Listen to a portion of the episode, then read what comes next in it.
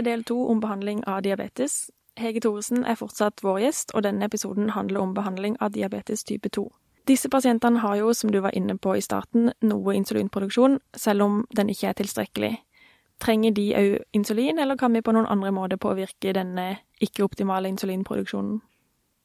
Eh, noen vil jo bruke insulin, kanskje etter hvert i utviklingen av sykdommen, men vi har mange andre legemidler som vi kan bruke, og som vi bruker ved type 2-diabetes. Vi har eh, mange forskjellige legemidler.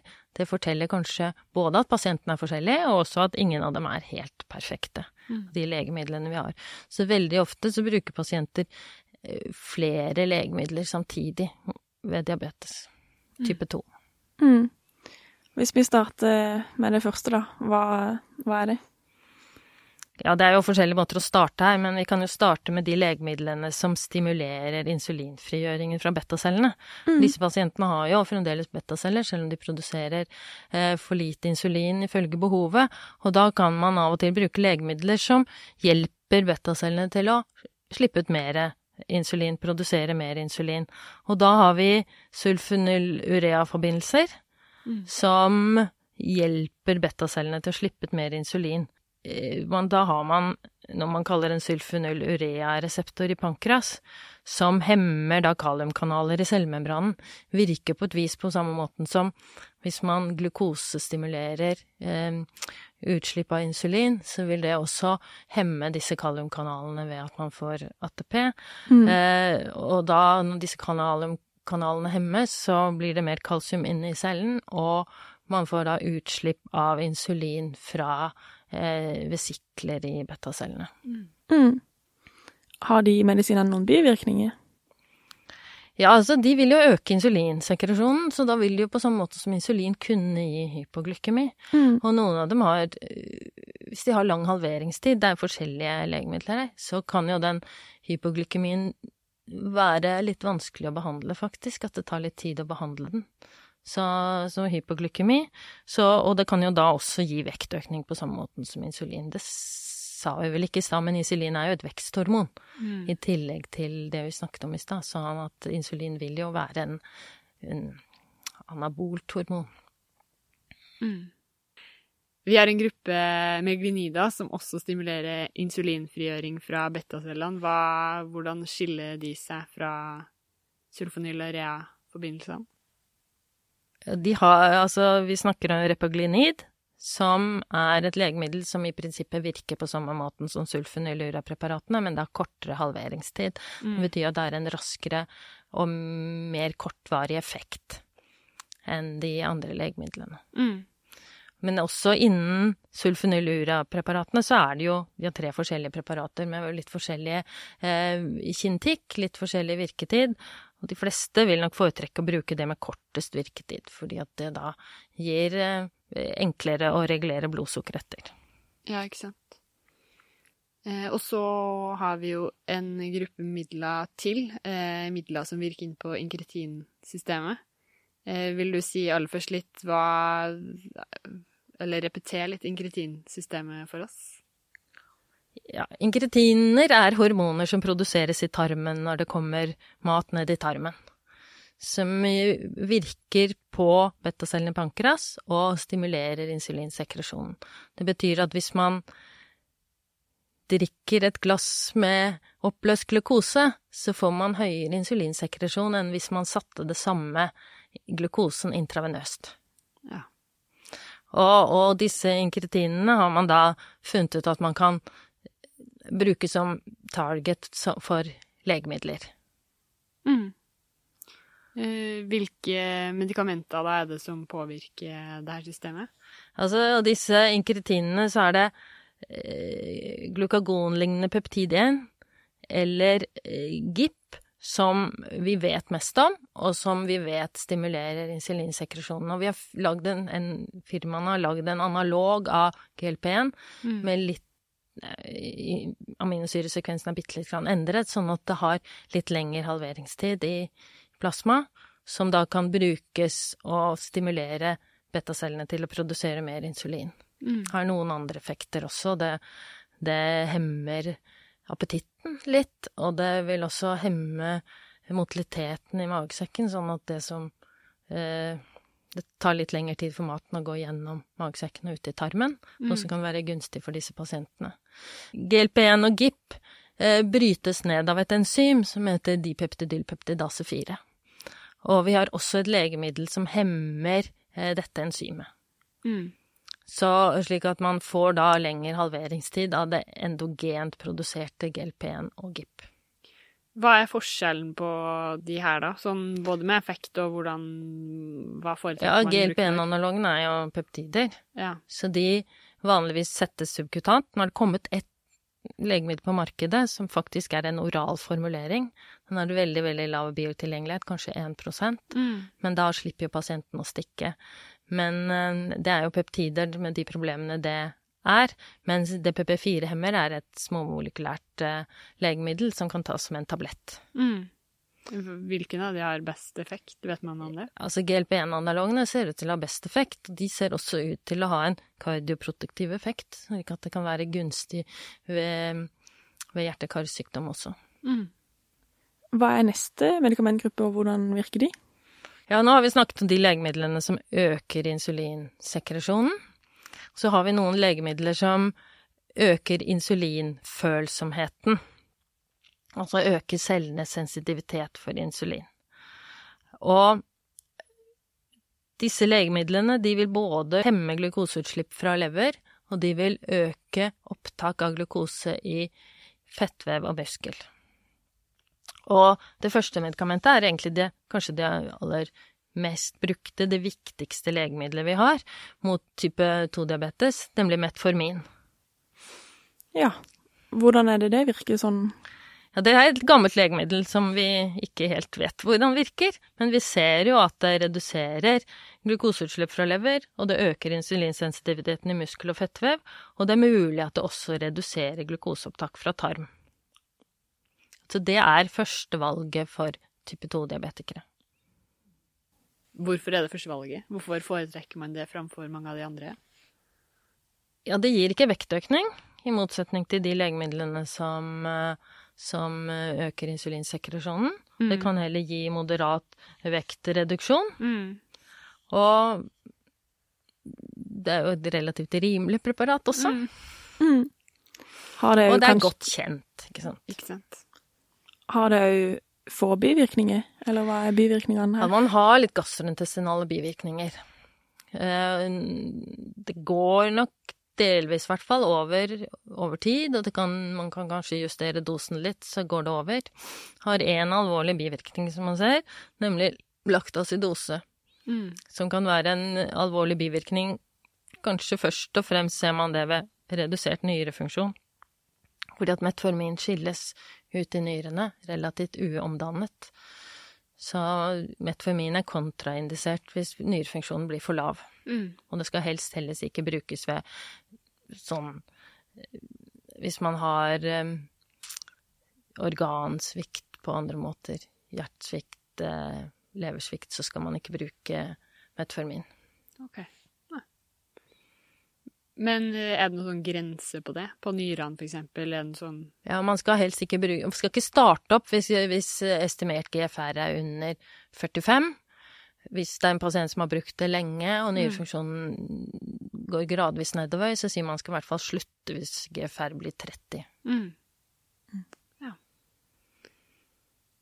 Eh, og så har vi hørt om ett eh, medikament til eh, som øker cellenes sensitivitet for insulin. Eh, pioglitason. Men det er kanskje Det er vel ikke i Norge, eller har det kommet hit også? Pioglutason fins i Norge. Det gjør det. Ja. Det brukes ikke veldig mye. Det var flere legemidler i samme gruppen, vi kalte den glitasoner, eh, for ca. 20 år siden, men eh, de andre er blitt tatt vekk fra markedet. Så vi har bare pioglitason igjen, og det er en aktivator av PPR-gamma, peroxysom proliferator aktivert reseptor gamma, som er en eh, intracellulær reseptor, en kjernereseptor. Og man har sett at når man stimulerer den reseptoren, så øker uttrykket av en del gener eller en del proteiner som, som er gunstig for å redusere insulinresistensen. Ja. Er det her et medikament man bruker alene nå, eller brukes det Det er ikke godkjent for bruk alene i Norge. Det skal brukes enten sammen med metformin eller med sulfonylurea-preparater. Ja. Har man noen sånne særegne bivirkninger for du medikamentet her, eller er det Det gir litt væskeretensjon, som betyr at det kan løse utløse utløse Utløse, er det kanskje det man sier? Det tenker man om.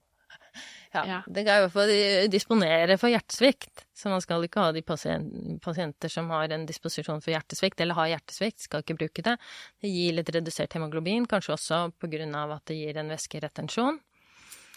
Det men det kan Det reduserer jo blodsukkeret, så det kan være gunstig på den måten. Og det vil også gjøre noe med eh, andre metabolske endringer ved type 2-diabetes. For eksempel kan det redusere triglycerider, og, og det skal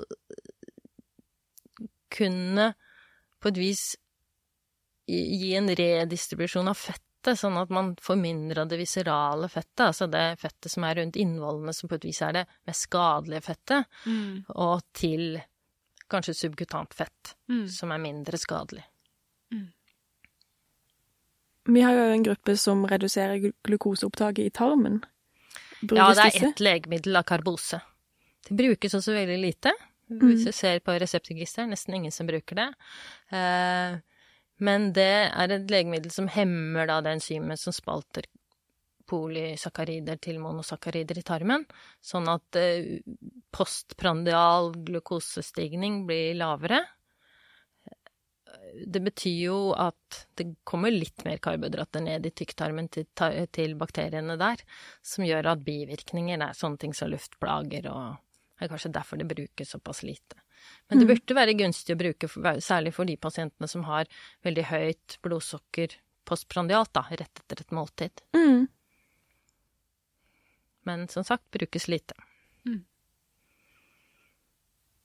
Den siste gruppa er jo midler som hemmer reopptak av glukose i nyrene. Hva kan du si om, om disse? Vanligvis så vil jo all glukose filtreres fritt i glomerulus, og så blir det, i hvert fall ved normalt blodsukkernivå, så vil alt reabsorberes i tubli.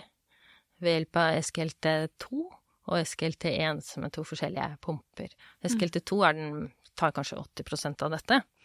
Og så har man da det siste, på et vis det siste legemiddelet vi har fått på markedet, som da hemmer denne pumpa, så man rett og slett tisser ut glukose fra blodet. Mm. Og det mm, kan også redusere blodsukkeret litt. Det brukes for type 2-diabetes. Man har sett at det også har gunstige effekter i forhold til eh, hjerte-karsykdom. At det er eh, redusert mortalitet av hjerte-karsykdom, pasienter som står på dette. Og det er også redusert risiko for nyresvikt, og det er redusert risiko for å bli innlagt med hjertesvikt. Så det er flere effekter som kanskje, kanskje ikke er avhengig av den effekten det har på, på blodglukosen. Mm. Det er kanskje en fordel, siden mange av disse pasientene som er både diabetespasienter, har jo kanskje mye hjerte- og karsykdom. Ja, altså det er klart at eh, når vi behandler type 2-diabetikere, så Eller diabetikere i det hele tatt, så gjelder det jo at det vi gjør, også gjør noe for hva som virkelig er problemet med å ha for høyt blodsukker på lang tid. Mm. At ikke vi bare pynter på blodsukkeret, men at det også eh, finnes igjen på det vi kaller harde endepunkter. Og det er jo ikke alle disse legemidlene vi ser at har effekt på harde endepunkter. Men SGLT2-hemmere og GLP-1-analoger har man sett har effekter også på hjerte-karsykdom, som, er- som jo er viktig. Mm. Ja, det er kommet noen nye data nå som virker at det er sterk anbefaling for å bruke det hvis du har både diabetes type 2 og hjerte- Ja. og nyresvikt. Og så har det jo også kommet inn i ny hjertesviktbehandlinga Ja. også. Så det, eh, antagelig så kommer det til å bli brukt også i situasjoner hvor det ikke er diabetes. Ja, ikke sant. Mm. Hva slags bivirkninger har man med disse medikamentene? Ved SKLT2-hemmerne så vil man ha en økt risiko for urinveisinfeksjoner, genitalinfeksjoner. Man har sett noen som får ketoacidose. Eh, Det har vært mest eh, type 1-diabetikere som har brukt dette i tillegg, selv om det er på et vis ikke indikasjon for det i Norge. Mm. Men man ser det av og til. Det er sjelden, men det, man finner det av og til.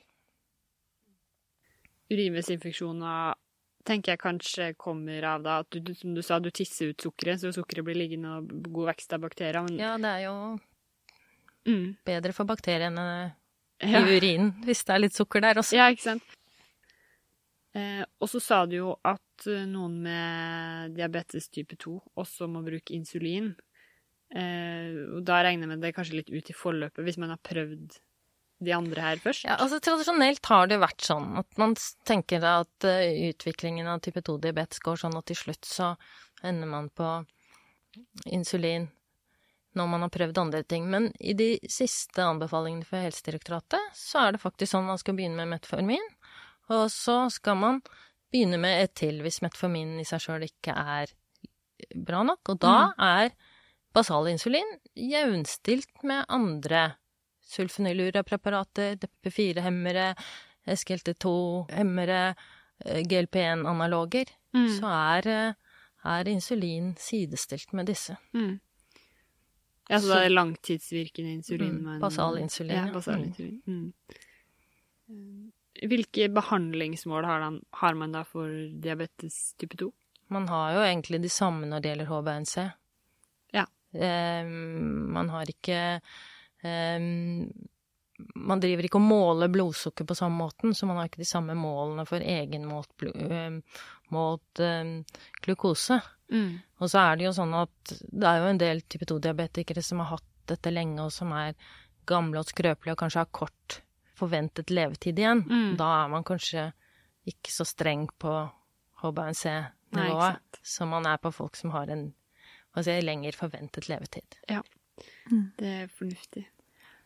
Beskytter den eh, justeringa av blodsukkeret både mot de mikrovaskulære og de makrovaskulære komplikasjonene? Eller er det noen forskjell der? Altså, man ser jo først og fremst de mikrovaskulære komplikasjonene i forhold til blodsukkeret. Men det har jo vært gjort noen studier hvor man har gjort en veldig streng blodsukkerkontroll på forskjellige måter, og sette insulin tidlig, veldig, følge dem veldig nøye. Da ser man at også de makroaskulære komplikasjonene går ned. Mm. Men de er ikke kanskje så direkte knyttet til blodsukker alene.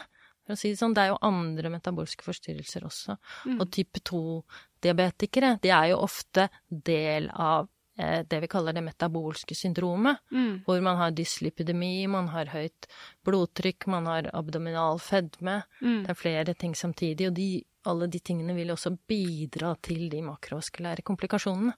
Så ikke blodsukker alene. Mm. Nå har jo vi snakka mest om medisiner, men det er jo mye annet man òg kan gjøre for å bedre blodsukkeret, som kosthold og fysisk aktivitet og Ja, det gjelder vel kanskje først og fremst type 2-diabetikere, dette. Ja. Som mange, ikke alle, men mange i utgangspunktet er overvektige. Som kan eh, bidra til blodsukkerregulering ved selvfølgelig å ha et eh, kosthold, et bedre kosthold, og også mer fysisk aktivitet og gå ned i vekt. Mm. Man kan nok ikke eh, behandle en godt utviklet type 2-diabetes alene med kosthold og, og altså livsstilsintervensjon, men man kan kanskje utsette Hvis man ser at man har en starten på en type 2-diabetes, så kan man kanskje utsette utviklingen av den. Mm. mm. Så kan man selvfølgelig bruke mindre legemidler hvis man har en bedre livsstil også. Mm. Mm. Så det er ikke sånn at man kan trene og spise seg bort fra å behøve metformin eller noen av de andre? Det er jo vanskelig å si absolutt det. Det er sikkert noen pasienter som opplever det, at de Mm. klarer å, å, å trene og spise seg bort fra diabetesen sin, og andre klarer ikke det. Så jeg vet ikke om jeg skal si at det aldri skjer. Du sa jo kanskje her at uh, metformin er det vi bruker aller mest. Uh, men hva er vanlige medisiner å bruke for uh, diabetes type 2? De vanligste? Eh, ja, det er metformin som brukes aller mest. Og det finnes jo også nå legemidler hvor man kombinerer metformin med andre, så pasienten slipper å ta flere tabletter, og mange av de er jo kombinert med metformin. Men eh, så har jo sulfonylurepreparatene vært brukt mye, de er på vei ned. Mm. Og SGLT2-hemmere og, og eh, GLP-1-analoger er på et vis på vei opp. Så Mm. det er jo en, mange, det er en del legemidler som brukes omtrent like mye, men eh, pioglitason brukes ganske lite, akarbose brukes ganske lite, og de har snakket om nå. Mm. Det er greit å vite om at det er en mulighet, selv om det Ja, det er jo faktisk på det norske markedet, og det er jo Mm. også eh, Ja, ikke akarbose står ikke som på et vis andre valg i den eh, Helsedirektoratets anbefalinger, men de andre gjør jo det. Mm. Så det er jo noe med at pasientene er forskjellige, og man må på et vis både høre hva pasienten ønsker. Noen ønsker ikke å stikke seg, da er det kanskje ikke så fint å bruke GLP-1-analoger. Noen syns det er greit. Pasienten har ønsker, og pasienten er forskjellige.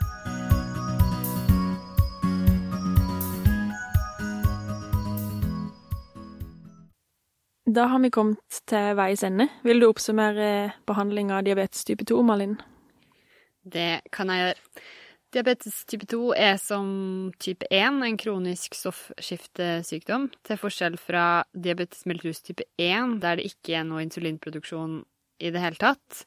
Så er det ved diabetes type 2 en produksjon til stede, men den er ikke tilstrekkelig.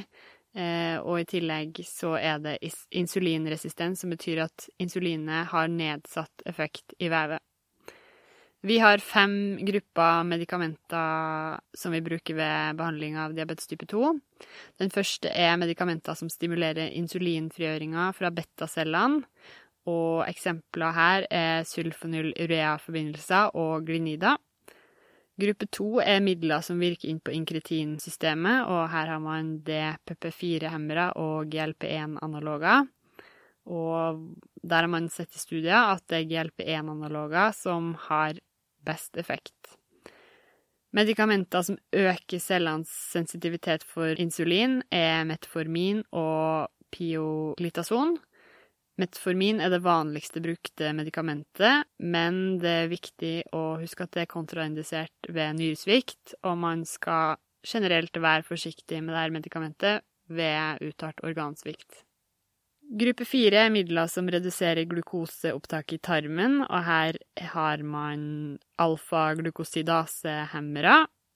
Siste gruppa er legemidler som hemmer reopptak av glukose i nyrene, og det er SGLT2-hemmere.